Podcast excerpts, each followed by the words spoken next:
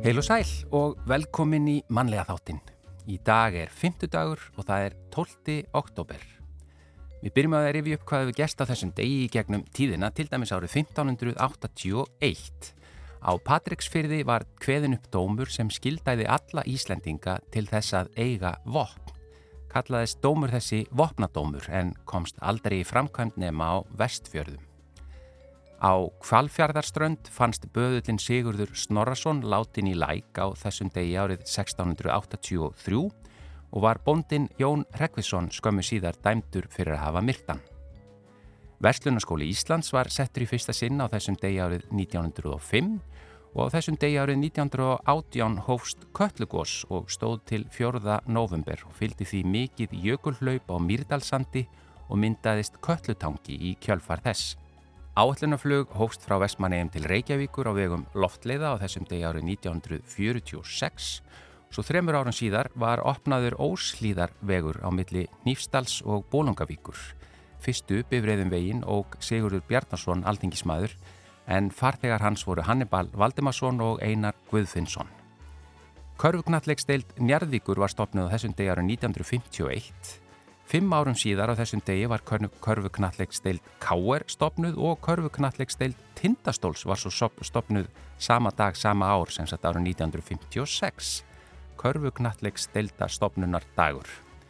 Jóhann Hafstein sagði af sér formensku í sjálfstæðisfloknum á þessum degi ára 1973 vegna helsubrests og Geir Hallgrímsson varaformaði tók við og svo var það þessum degi ára 1985 sem að 22 punta vatnableikja 88 cm laung veitist í Skorradalsvatni og var þetta stærsta bleikja sem veðist hafði á Íslandi.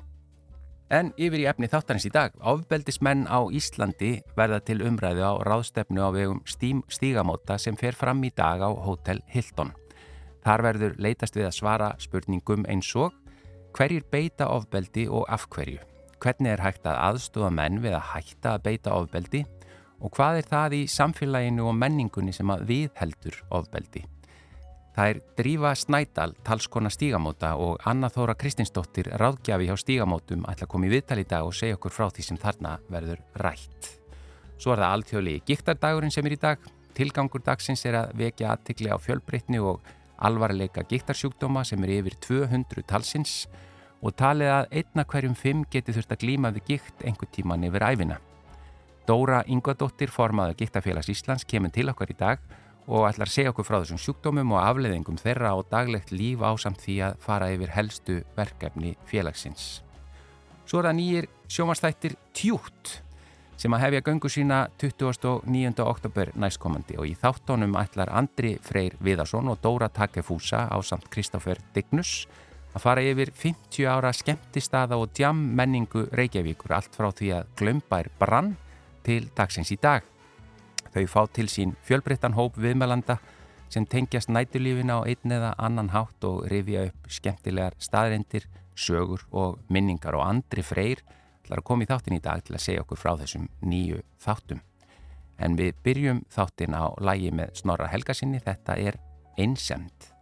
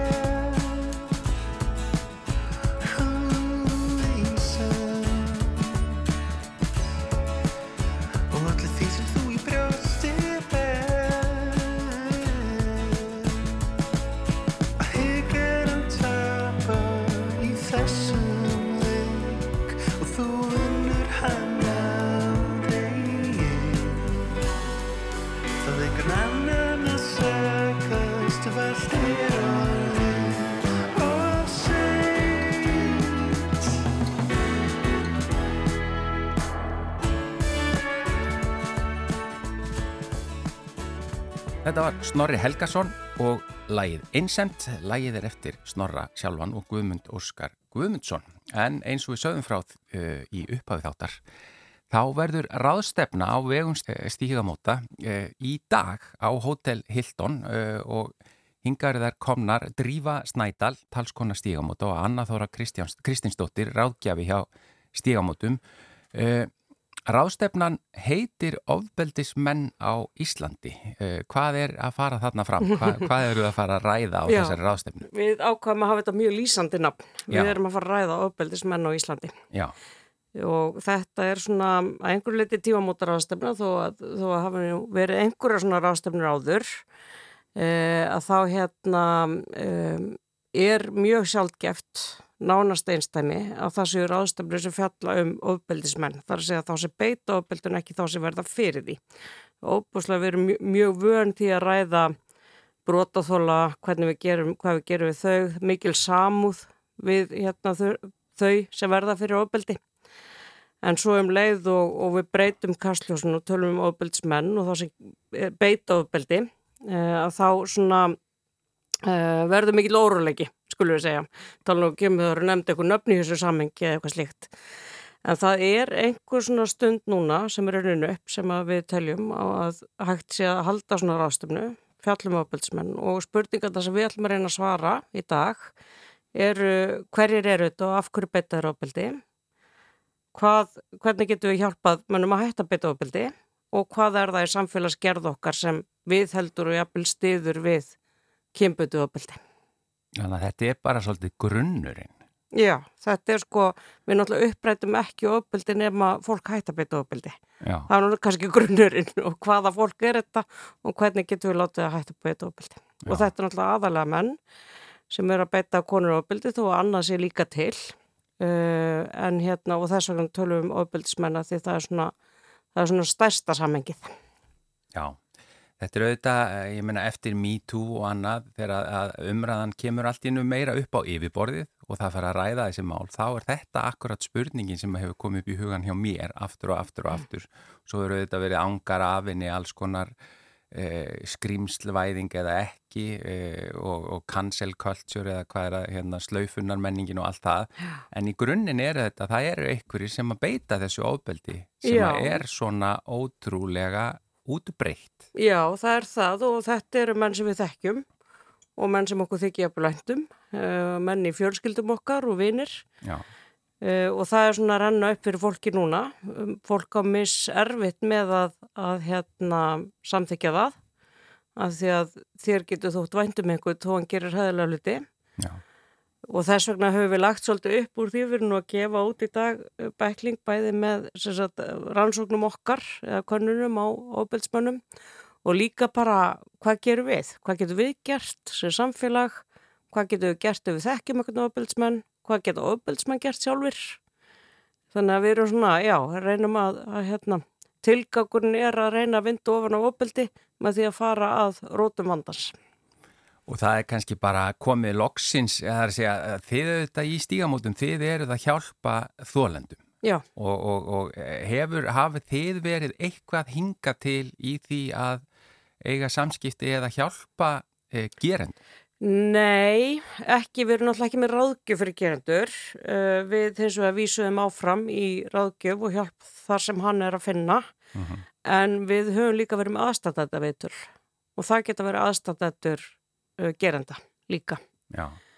Uh, þannig að, en, en svo er það náttúrulega stígamót fjalla líka bara um að berjast gegn kynfæðslu opildi og kynbundu opildi og, og þess vegna erum við að þessu. Og það er, uh, hefur verið unnin skísla uh, sem að er verið að, að fara að kynna á þessari uh, rástefnu í dag, ekki satt, Anna Þóra Kristinsdóttir. Jú, jú, ég er að mynda að fara að kynna niðurstöðunar. Uh, hérna, já, já, og eins og Drífa sagði hérna áðan þá eru sína niðurstöðunar að ofbeldismenn eru langflestir kallar langflestir íslenskir íslensk, íslenskir og yfir helmingur á aldrinum 18-39 ára. Þá var aðdeklisvert að um 14% voru aldrinum 14-17 ára. Þetta eru ungir ungir einstaklingar. Já. Og hérna og líka lang, eins og Drífa komi líka á hérna inn á hérna áðan að í langflestum tilvíkum er þetta einhver sem er brotáþálið þekkir annarkort tengdur fjölskylduböndum eða vinur eða kunningi.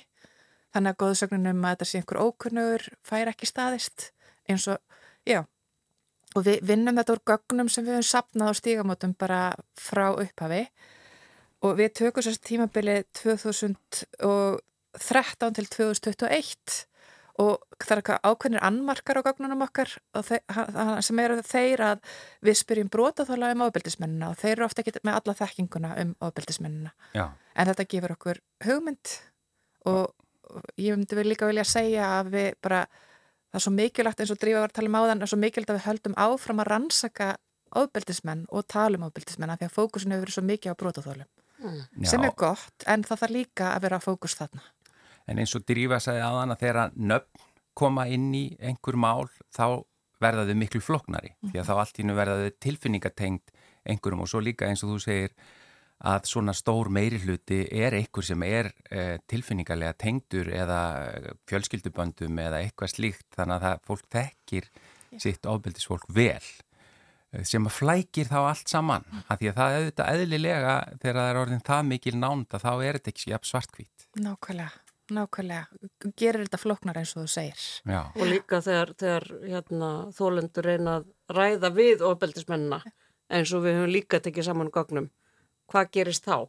Já, Akkurat, já algjörlega, það var aðteglisvert að, að þegar brotaþólar rættu við, hérna, rættum ofbeldi við ofbeldismennina þá var ég 50% tilvika hérna þar sem að ofbeldismennar hafnaði eða, já, hafnaði viðkend ekki ofbeldið þannig að hérna og, og, og það var líka aðteglisvært að yngri brótaþálar þegar brótaþálar sem leituðu til okkar og á þessu tímabölu og voru yngri þeir voru líklegri eða hæra hlutall þeirra hérna talaði um ábyldi við ábyldismann búið saman við eldri brótaþála þannig að kannski er umræðan að ná frekar til yngri brótaþála þeir eru frekar að ræða ábyldið við ábyldismann En eru þá uh, einhver gögnum það að yngri uh, gerendur að, að þeir séu opnari fyrir því að hlusta? Nú veitum við ekki, það er bara áhugaver spurning. Já. Það geti alveg verið, en, en hérna, mér langar líka í þessar umræði að segja að það er heldur ekki þörf, brotaþóli á ekkit endla þurfa að tala um þetta við ábyldismann. Nei. En, en hérna, en ef þeir vilja það og eru tilbúin til þess, þá er það náttúrulega bara flott, en bara gott að orða það, að það er ekkit eitthvað maður á ekki endilega að ræða það. Ég, ég man, ég sá einhvern þráð uh, á einhverjum spjallvef þar sem var verið að ræða þessi mál og þá var kastafranspurningunni kæru brotaþólar, hvað viljið þið uh, gagvart ykkar gerendum? Hvernig samskipti viljiði, ekki samskipti, hvernig viljiði afsökun beint frá honum og það var svo merkilegt að því að það var gríðarlega mörg svör og þau voru auðvitað alveg ótrúlega fjölbreytt líka. Mm. því að það var ekkit einhver ein lína að, að, að, gerandin verði að koma og bla bla bla. Sumi vildi bara ekkert á honum vita. Þannig að þetta er alveg ótrúlega og við erum ekkit komin sérstaklega langt kannski sem samfélag í því að taka almennilega á grunninum í þessu. Nei, það er alveg rétt og, og þetta með upplifa réttlæti. Veist, hvað er réttlæti í þessu það getur verið mjög breytilegt. Já. það er ekkit endilega domstólarleðin sem mest að réttlæti sko. Þó að þau þurfum að gera það sem þessi bróki hérna, í, hjá domstólum en hérna eh, en margir upplifa réttlæti bara með því að, að þú veist virða það að eru ekki að hitta brotamannin, opilsmannin, gerandan og viðurkenning kannski á Vi, að viðurkenning, eitthvað... já. já. Mjög stór hluti sko. Já. en Sinn, síðan er þetta svo, er þetta svo lítið af rannsóknum hérna og, og ég held nú að það sem við erum að gera úr okkar gögnum og hvernig að hver við höfum verið að kynna sitt líka í dag um, að það er svona með betri gögnum sem við erum með hérna á Íslandi. Uh, en síðan höfum við fluttinn hérna fyrirlesar að Kalle Berggren sem kemur hérna frá Svíþjóð og er, hefur sérstaklega verið að skoða unga ofbildsmenn hvernig þeir ætlað ofbildið og þetta sko þessi tvískinningur eða hvað maður að segja sem er sko að vera aln upp í jafnbrettisparadís mm. Svíþjóð lítur á sig jafnbrettisparadís alveg og Ísland Já. og beita samt uh, konur ofbeldi og hvernig, hvernig ferðum með það og hvernig er réttlega verið það sem ungur gerandi og hvernig, hvernig er þetta að vinna með það þannig að það er eitt af því sem við erum að fara að gera á ræðstuminu og svo ætlum við að fá bara svona uh, rattir frá Evrópu um hvað hefur gefist best í í hérna að, að vinna með ofbeldsmönnum að hætta beita ofbeldi. Er einhver staðar, eh, eru einhver lönd sem eru komin eitthvað lengra, sko alveg marktækt lengra í þessum málum? Sko það sem við höfum verið að skoða svolítið Ástralja og Kanada og Spán. Já. Það er svona, þú veist það, allt í einu, eins og þetta gerist að blossar upp svona umræðans í Ástralju eftir nokkur kvenna morð. Já. Að þá var bara farið í þetta aflagagna og og ríki bara setur peningi í það að skoða hverju ofbeldsmenn, hvernig getur unnið gegn þessu. Þannig að það er verið að gera, það er náttúrulega engin með lausnina, það er engin búin að, búin að mastera þetta. Við erum ennþá komin stutt. Já, það, það er verið að gera mjög áhugaverða tilröðunar mjög víða.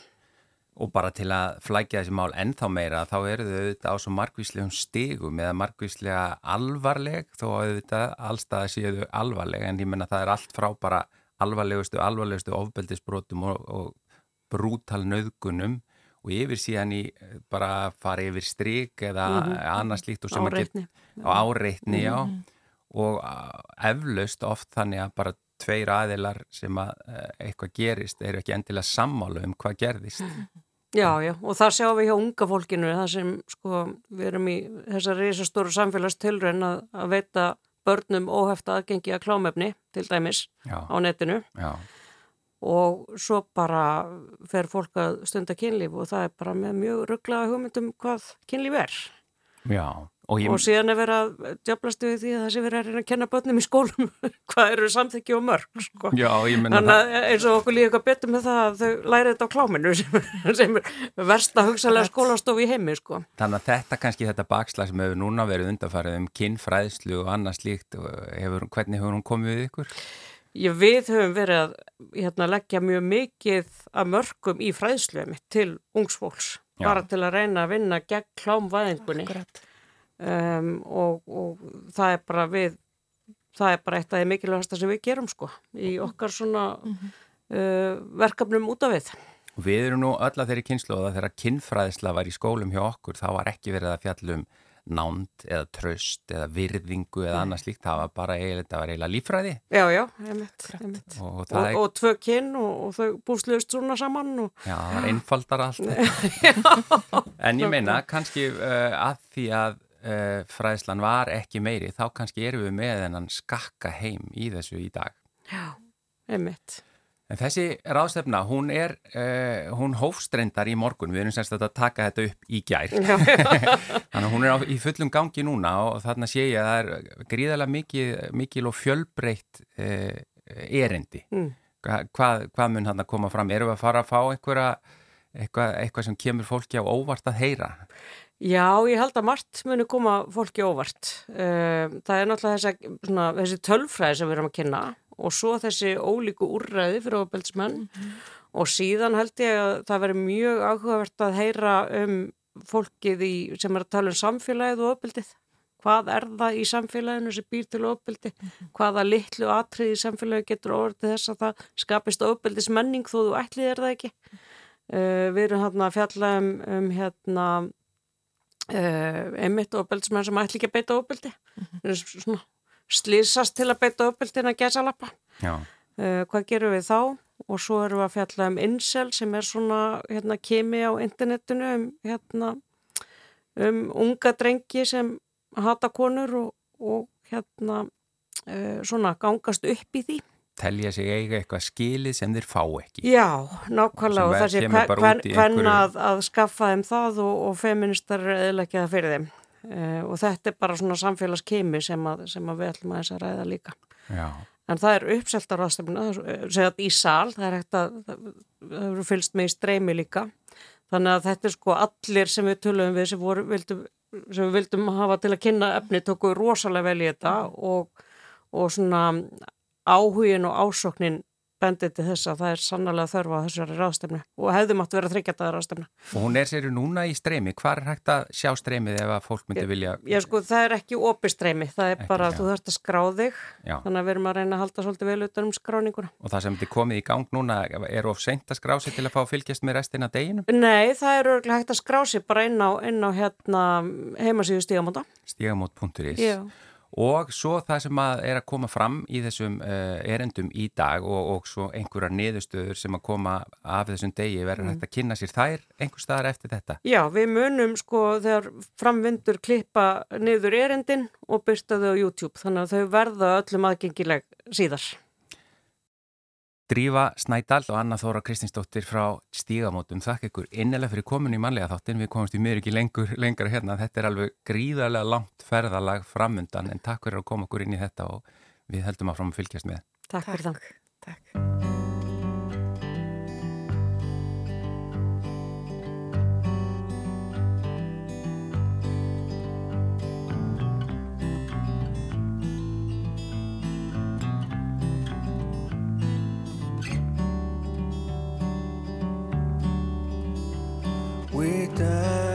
Dance before, and though I can't be sure, but I remember your sweet smell and this feeling I felt before.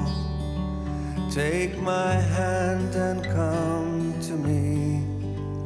Take my hand and you will see that you've never been alone that you always had a home in me. We were lost, but now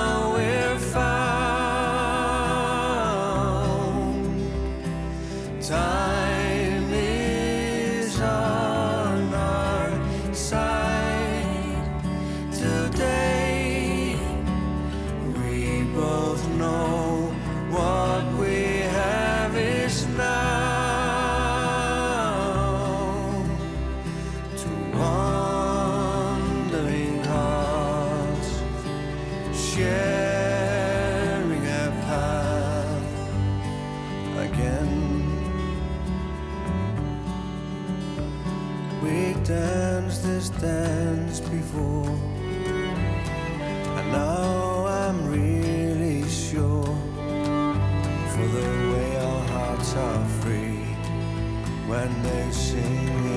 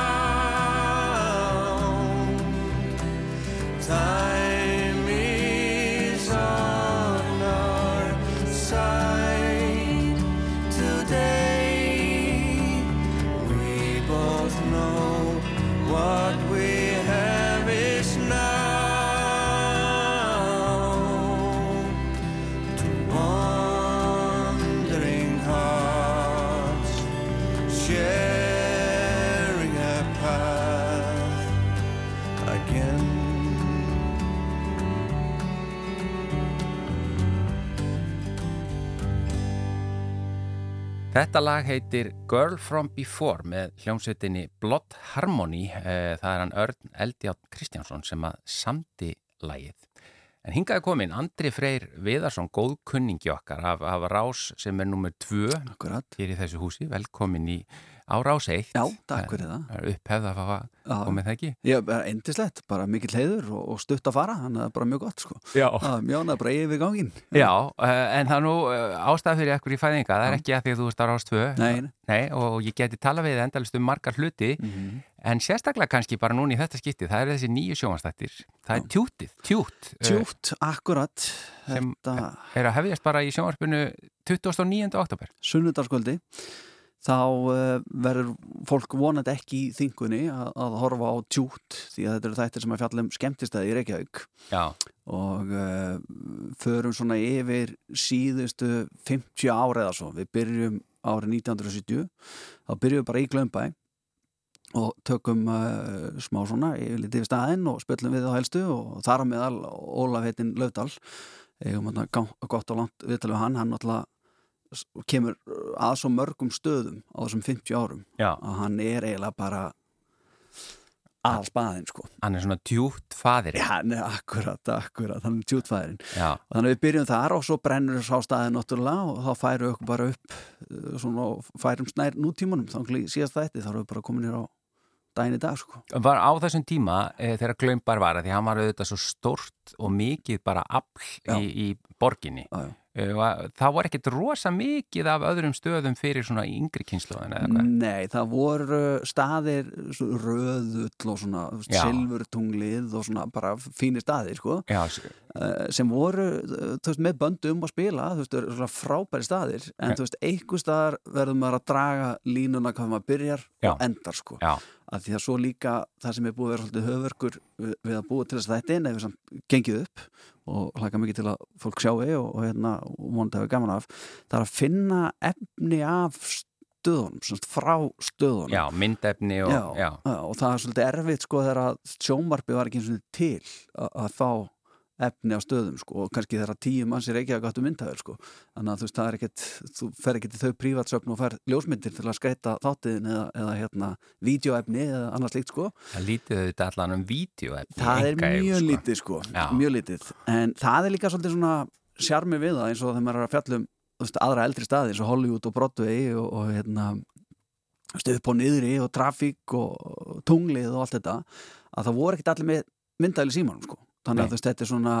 veist, þetta er, maður er svolítið sko við erum mikið búin að vera að fara í engasöfni fólki, þú veist, sem vera rétt að mann eitthvað ljósmyndir úr einnota myndalinni sem það tók með að djami þannig að þetta er eitthvað svona og, og svo eru sumi staði líka sem voru bara með svona hyrðljósmyndira Já, einmi Hollywood og Broadway og svona, það voru bara menn í því að taka myndir fyrir þessa staði. Já.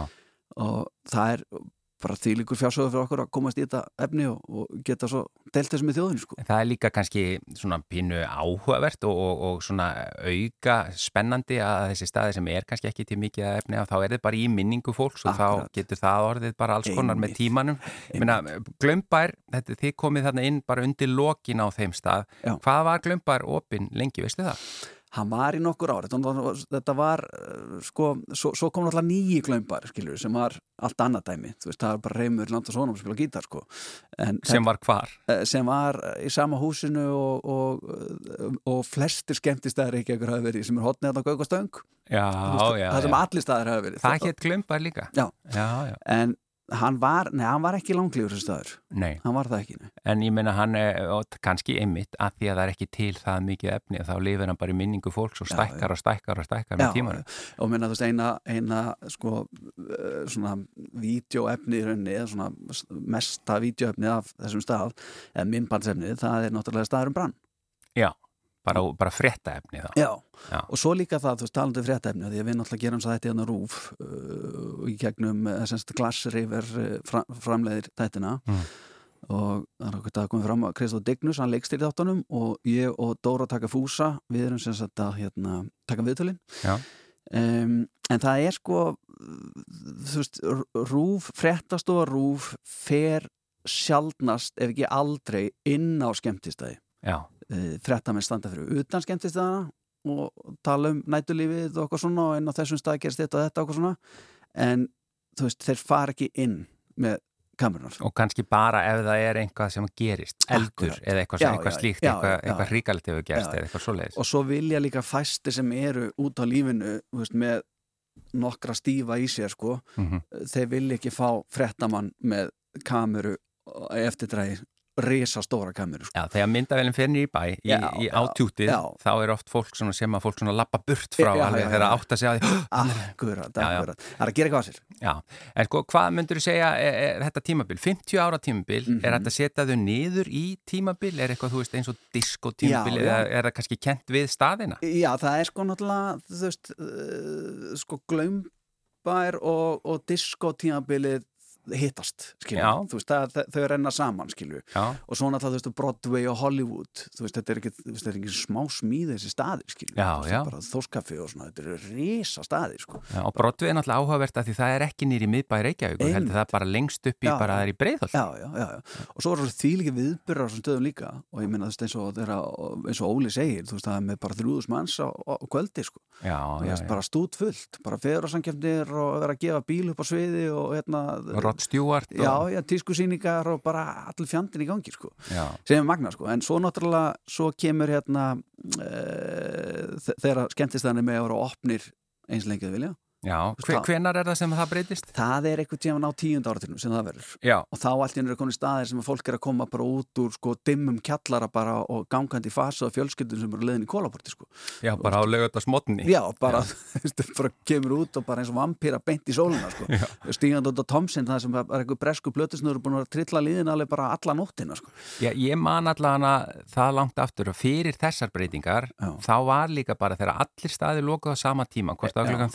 var bara dýragarður neyri bæ Akkurat. sem var ekkert sniðugt Nei, sko. nei, það var bara rosalegt og við erum búin að sjá mikið af myndefni af þessum dýragarði að því að þarna uh, fréttastofan uh, mikið þar Já, já, að því að það var eitthvað óeðlilegt ástand já, já, já, bara snar ruggla ástand ég meina, þú veist, maður sjálfur þarna sem, úlingur og sníkja sér sopa og, og fylgjast með einhverjum slagsmálum og eitthvað svona já, um, en svo kemur annað tíðanbyrð sem er reykingabannið já, já, fyrir og eftir reykingabannið sko. já, já. Þú veist, það, það voru skrýtni tímar sko. þegar fólk fór að finna allt í nú bara svitalit og prumpulit já, já, akkurat og svo, svo finnir sko að þú minnist á svitalit og því að það var sko, fyrir reykingabannið það var líktinn einsinn á öllum stöðum Já, það var, það var bara eins og ganga á vegg sko. En var, bara rifið aðeins með mér sko, áður en að reykingabanni kemur á mátti beinlinis reykja bara allstaðar inn á öllum stöðum Já. Já, það var alveg þannig. Það var Vá, alveg þannig. var fljótur að gleyma. Já, þetta var rosalegt sko. Sjálfur var ég sko þú veist, plötusnúður Mhm. uh, hérna uh, á nokkrum stöðum 22 og Sirkus til dæmis og Mhm. spilað þar bara 11 og okkur svona. Og þá var, reykti maður sjálfur sko. Já, veist, já, það bara- fóru, veist, maður fór aldrei öðru sem með tvo pakka í varsunum og kom á tóma heim sko. Þurfti ekkit reykvel Nei, nei, nei, nei, og þetta var bara í, í, veist, ef maður hugsa um þetta í dag, maður myndi ekki endast í tíu sko. Þú nei. veist, Þetta minnir bara á hérna uh, reykingaklefan á flugvöldunum í Köpen sko, sem eru svona tvölda símaklefi. Já, sem allir sem fara gennum völlin fara inn á. Þetta er svo sardinutós, allir með réttu sko. en þegar þú minnist á prumpufílu og, og, og svitalit sko, því að svo tók maður eftir því að á stöðun sem ég hjekk á og voru mínir staðir Mm. þú voru örgulega þína staði, það eiga allir sína staði. Já, og þar var sko prumpuð og róp, svita og pissufíla á Já. stöðunum sem að maður fór sjálfnæst inn á maður slýsaði stundum inn á Já. og það sem að var svona hitt fólkið Já. sem maður kalla það hérna Getum við sagt fína fólki? Já, við getum sagt fólk sem að, veist, fór í, í, í, á sólbástofur og, og, Já, já. og fór í, í bað einu svona dag. Já, snirti sér betur og hérna, já, já, já, þá kom maður þanga inn og var bara mm, þetta er bara svo lapið í gennum nammibærin sko. það er bara hérna, og það hlaup í öllum bóksum sko. bara rakspýri og Já, ylvötn bara rosa góð lykt, bara eins og þetta er öll ekki fríirinu sko. Já, já, það er já. allir að testa ykkur lyktir sko. En voruð þið að tala við e, þá mikið þau sem voru að halda staðina eða reka staðina og, Mhm. og, og, eða bara gesti og svona fasta gesti og einhver svona fræga djammar eða Já, tjútara? allt þetta sko, við vorum að tala um fastakunana og eins og segir, fólk sem að var að reka staðina og átti staðina, uh, fólk sem að var í, í hurðinni, dýraverðina Já, það er náttúrulega sér kapituli. Já, já, og plötusnúðana sem að náttúrulega voru út um allt Já. og, hérna, og kynntist þessu eins og, eins og neyri miðbæði, þetta er, þetta er tjútið í Reykjavík Já, Eh, þetta 50 er ekkit sérlega stór eh, stórt svæði sem að flestir af þessum klubum hafa verið á. Nei. þar er ég menna og ég menna farið við til dæmis byðraðirnar það er alveg sér Já, já. menning í, á skemmtistöðum það er að fólk var að standa í byðröðum alveg hálft kvöldið. Akkurat, og svo bara hérna, var aldrei leift inn. Já það líka. Svo, svo kom bara eitthvað gæði sem var komin og bankaði á hurðina og bara leift inn skilur. Framfyrir röð, dæmið sko. Já já. Já, veist, Þetta, og einhverju voru með VIP-kort eins og Já, kallaðist já, eitthvað já. svoleiðis. Já, já, ég meina við erum alveg með nokkra raðir, myndefni á nokkrum röðum líka með myndefni að því þegar að fólk er að sagt, eh, klifra upp þakrennur til þess að komast inn í glugga á öðruhæðum á stöðum sko, sem tíðgæðist já, á, á einum stað nýrbæm sem hétt Sirkus sem hétt sirkus, já, Já, ég held að þú var að tala um kaffibarinn. Já, já það hefur líka gerst þar sko. akkurat það, það, En þú, ég heyrði í þeir þú taldir upp Já, einhver staðar eh, eiginlega nöfnin á öllum skemmtistjónum því að þetta er ekkit engin smá er- gerði eina tilraun hérna, það Ekkert gegnum þetta. Ekkert mál, það er glömbær, það er Hollywood, það er Broadway, það er Traffic, Skástrík, upp og niðri, það er Bíóbarinn, það er Lækjartunglið, Tunglið, Casablanca, LA Kaffi, Kaffibarinn, Brygið, Vegamót, Sirkus, Östur, 22, Sigtún, Tetris, Rosenberg, Safari, Roxy, Amalú, Þjóðlíkuskjallarinn, Skuggabarinn, Kúpar, Dillon, Nellis, Thomsen, B5, Rex og gaugarástöng þetta er svona staðinni sem að fá eitthvað vægi þannig þessum þáttum svo minnst á miklu fleiri sko. Já, já, já þegar ég einmitt, það eru nokkur nöfn sem komum upp í hugan mm -hmm. en það var kannski eins og vilti trilti villi en það já, fyrir yngra fólk og já, annað og svo... hann, hann kemur hann þessu líka sko. Já, já, svo að mér er svona skemmtistæði fyrir unga fólki var bara í Ármúlan sem að var í manninginu hvað hétt sko. einmitt, einmitt. og D14 í Kópái Já, guðrat, einmitt. En hérna Já, þetta er svona, þetta er staðir sem við viljum meina það að veist, það er náttúrulega ekki hægt að taka alla staðir sem hafa verið í Reykjavík síðan 50 ár, sko. það var líka bara mjög leiðilegu þáttur. Þetta er svona staðir sem að eh, hafðu, hafðu ykkur áhrif og breyttu ykkuru. Já, og svona verið að skoða lífið í kringum þá. Já. Og hvað, hvað er það margið þættir? Sex. Fyrsti þáttu 29. oktober mm -hmm. og þið byrjið á upphafinu, það er glömbar og, og svo farið þið þá í tímaröði gegnum já, þetta. Svona, svona, já, svona nokkur neginn nokkur neginn með nokkrum útdurum en já. þetta er svona, já, þetta er einmitt síðast átturinn staðinni sem er í gangi skilur, nokkur neginn e, á fyrsti, það er bara upphæðið Andri Freyr Viðarsson, þakka fyrir að koma og segja okkur frá þessum nýja þætti tjútt sem að þú og Dóra Takafúsa þið e, stjórnið að tala við fólki Jú. og Kristófur Dignus er bak við myndafélina Já, og glasar yfir framleiðir. Takk fyrir komin í manlega þáttin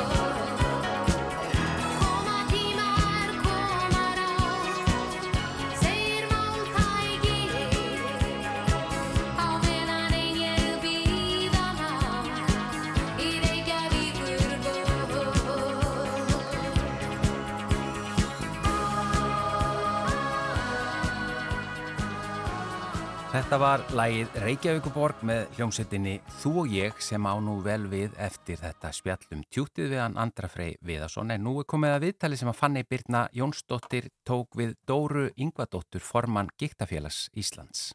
Alþjóðlegi Giktardagurinn er í dag og hefur verið síðan 1996.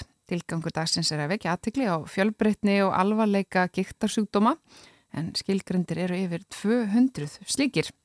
Hún er komininga til okkar Dóra Yngvadóttir, formaður Giktarfélags Íslands. Takk fyrir að koma Dóra. Já, takk fyrir að fá mig. Eh, þið haldið upp á þennan dag í dag og við öll. Eh, en þetta er eins og ég sagðan 200 skilgrindi sjútumar eh, og þetta hrjáir marga ekki satt? Jú, mjög marga. Eh, sem eru náttúrulega mjög sjálfgefir og fáir með þá en svo eru náttúrulega stórir flokkar eins og slitgikt og yktsíki eh, sem eru daglegu tali kallu liðagikt og vefjagikt, þetta eru svona stærstu flokkanir en svo eru margir sjúkdómar skilgrendir eins og lúpur, sjögren og aðrir sem að hafa kannski geta haft alvarlegri afleiðingar líkamlega eða líkamlega hinn, þetta er allt líkamlegar. Eins og slítgiktinn, það eru mikla þjáningar oft sem fylgja slítgikt en hinn er sjúkdómanni geta líka haft áhrif á lífæri Já. og geta verið mjög alvarlegur. Einmitt. Uh, og hvernig, ég meina, hvernig er svona meðhendlað? Það er ekki mm, lækningar við, við mörgum þessu sjúkdómum með þannig? Nei, eiginlega fæstum, Já. ef nokkrum og þetta er, og það er líka svona kannski miskilningur og það er bara gamla konu sem fá gikt en það eru börn sem fá líka gikt og því miður eru greinast mjög mjög börn á ári með gikt og stundum eldist af þeim á táningsaldri en sem eru með þetta fyrir lífstíð. Og fyrir ungt fólk að fá svona greiningum með einhver, einhverja gikt getur verið mjög alvarlegt og haft eh, andleg áhrif líka. Fólk á erfitt með að meðtaka þetta þetta er kannski bara átt að fyrir lístíð Já. og uh, en við erum að reyna að hjálpa þessu fólki veita því upplýsingar og líka með meðhandlun hún er mjög uh, breytileg. Að, uh, og þetta er eiginlega þetta eru um, flesti sjúkdómar eru bólgusjúkdómar og það er hægt að hjálpa því fólki oft mjög mikið með nýju líftæknilífjónum sem hafa, er svona í daglegu tali alltaf kvöldu grabbmennslif en það er mjög margir gíktarsjúkdómar sem að semst að það er hægt að halda þeim niður og gera fólki lífi bærilegt með líftæknilífjónum Einmitt. En hvað þýðir þetta svona í daglegu lífi? Eh, er þetta mikið á læknisimsóknum, sjúkraþjálfun, eitthvað slíkt? Hvað, hvað svona... Uh, Hvað gerir fólk til þess að, að takast á við þetta? E, sjúkraþjálfun og yðvíþjálfun er mjög mikilvæg af því að þetta halda líka mannum svona í þjálfun og líka lífstil, náttúrulega mataræði, reyfing, þetta hefur allt mikil áhrif og hjálpar. En e, svo, eins og með slítgiktina þegar fólk er orðið það kvaliða, það er ekkit um annað ræðina, bara skiptum liði, að e, það er mjög sásökafullt og uh, auðvitað er hægt að taka verkelíf og annað en það vilja fæstir verða hádir þeim Emme. og þeir hafa líka náttúrulega áhrif á ímislegt. Já. Já. Uh, og þetta er allt krónist, þetta er, þetta er langvind uh, og svona eins og þú segir, þetta hefur, þetta hefur uh, talaður um, um andlega líðan barna sem, a, sem að fá svona sjúkdóma en þetta lítur að hafa uh, áhrif á andlega líðan fullorðina líka sem að, sem að fá gikt. Jú, jú, það gerir það af því að oft uh, þetta fólk bara út af vinnumarka og það er margir sem að eiginlega þóra ekki að viðkjöna þetta er séu með gikt eins og ungt fólk í, sem er í vinnu en þá að uh, það þóra ekki að láta vita af því að það er sem er gikt óttast um starfsitt og annað en ég held með að segja það að gikta fólk sem ég þekki er upp til hópa afskaplega samvinskusamt og gerur allt til að mæti vinn og, og standa sig í lífinu. Einmitt. En auðvitað, svo getur komið að því að fólk bara getur ekki meira Já. því miður. Eh, en svo er náttúrulega ímislegt eh, annað, svona einhver stóðkerfi, nei, hérna, stóðtæki og slíkt sem að, sem að hljóta geta hjálpað eh, þeim sem að kannski eru, eru vest stattir. Jú, jú, Þa, það er það og það er ímislega ímislega svona smá tæki eins og spelkur og annað sem að fólk eh, getur fengið. Þetta er allt dýrt og við höfum verið að berjast fyrir því í gegnum öryrkjabandalagi þar sem við erum eh, giftafélagi mjög virt í starfsemi öryrkjabandalagsins og í heilbriðisóknum þar er unnið að því að e, sagt, það sést gilningur á niðugreislu á þessum vörum og uh, það er hægt að sagt, komast yfir vonda daga með því að hafa svona hjálpartæki og eins ímis, það er það sem við erum að reyna að líka koma til fólks að það eru til ímis tæki sem hjálpa fólki sem er orðið mjög verkjaði eins á höndum. Það eru alls konar nývar og nývapör og annað sem að fólk getur nota stuði sem að hjálpa þið mikið svona í þessu daglega amstri. Emmi, tækninni fleiti fram þarna eins og uh, eins og víðar. Uh, segð mér hans frá Giktarfélaginu uh, þú varst að segja frá, frá því að þið værið virkinnan örkjabandalagsins en er þetta fjölmennur hópur sem að, sem að sinnir, sinnir starfinu fyrir félagið? því miður, já við erum ótrúlega mörg samt sem erum og við erum öll í sjálfbáfinnu sem er í, stjórn og í vinnu í málefnahópum fyrir örkibandalegið og annað. En við höfum verið með starfsemi, eða félagi var stopnað 76 þannig að við nálgust halva höldina og hérna starfsemi hefur náttúrulega breyst í gegnum tíðina. Við höfum verið með yðjúþjálfun og uh, sjúkraþjálfun fyrir uh, giktafólk og við höfum verið eini aðilin utan uh, stopnana með yðjúþjálfun en því miður er, hefur verið erfitt að fá fólk.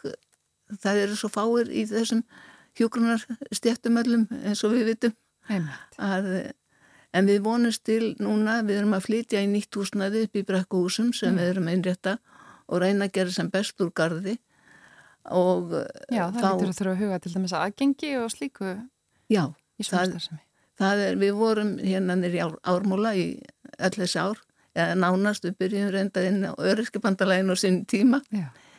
en e, í ármúlunum vorum við upp á annar og þriðjuhæð og liftan var svo lélega og hún var varla fyrir hjólastóla Emi. og síðan náttúrulega bílastæðamálun hérna niður í bæ eru mjög erfið og en þarna upp frá erum við þetta er upp í brekkuhúsum, upp í gráavogi við hefum kosið að vera nær bænum en e, þar er, erum á hjartæð og það verður aðgengi fyrir alla. Og þessi dagur minna, þessu er ætlað að vekja einmitt aðtikli á, á tilgangi félagsins og, og sjúkdómunum öllum saman. Eh, og berjast einmitt fyrir, fyrir þessu sem þú nefndir eh, réttindum gíktasjúk líka þar með niður greiðslu og fleiru kannski eða? Jú, og það er sláandi að þegar að e, e sjúkráþjálfunin var orðin alveg niður greitt að þá fækkaði mjög í nýgengi örorku hjá fólki með gittasjúkdóma af því að þá lefði fólk sér að fara í sjúkráþjálfun en því miður hefur hallað á kefiliðin aftur og, og það er fólk að fara að borga meira þó sjúkratryggingar tækir vissulega þátt í því. Mm en sjúklingar eru farnar að borga meira fyrir þjálfun og það hefur svona aðeins dalað aftur. En svo má líka segja að það er líka erfitt að koma staði í sjúkraþjálf það, það vantar allstaðar fólk. Helbriði stettinnar allar. Já Einmitt uh, Og ætlið að halda eitthvað sérstaklega upp á daginn? E ekki núna öðru leita en því að eh, reyna að vekja aðtikla okkur í fjölmjölum mm -hmm. eins og hér og, og Ráfstvö og það verður í morgunblæðinu líka við, við mig og varaformennun okkar hann að rann af, en við höfum oft haldið málþing á þessum degi en af því við stöndum í þessum flutningum og það er mjög mikið í kringum það að það ákváðum við að fara þessa leið núna að vekja aðtegla okkur í fjölmjölum og býða betri tíma Nó að gera. Já. Eh, Dóra Ingadóttir Kæra þakkir fyrir komuna í manlega þáttinn. Takk fyrir mig. Gangi ykkur vel með fluttingana og, og barátuna. Takk að þið fyrir.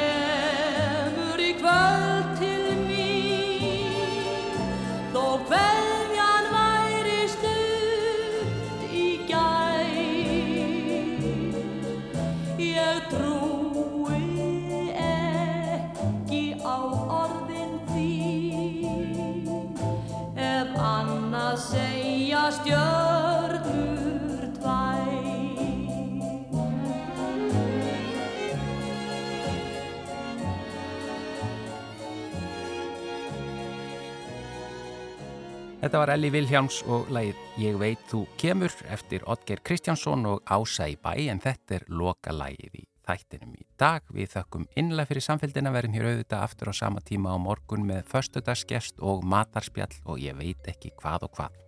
Verið sæl!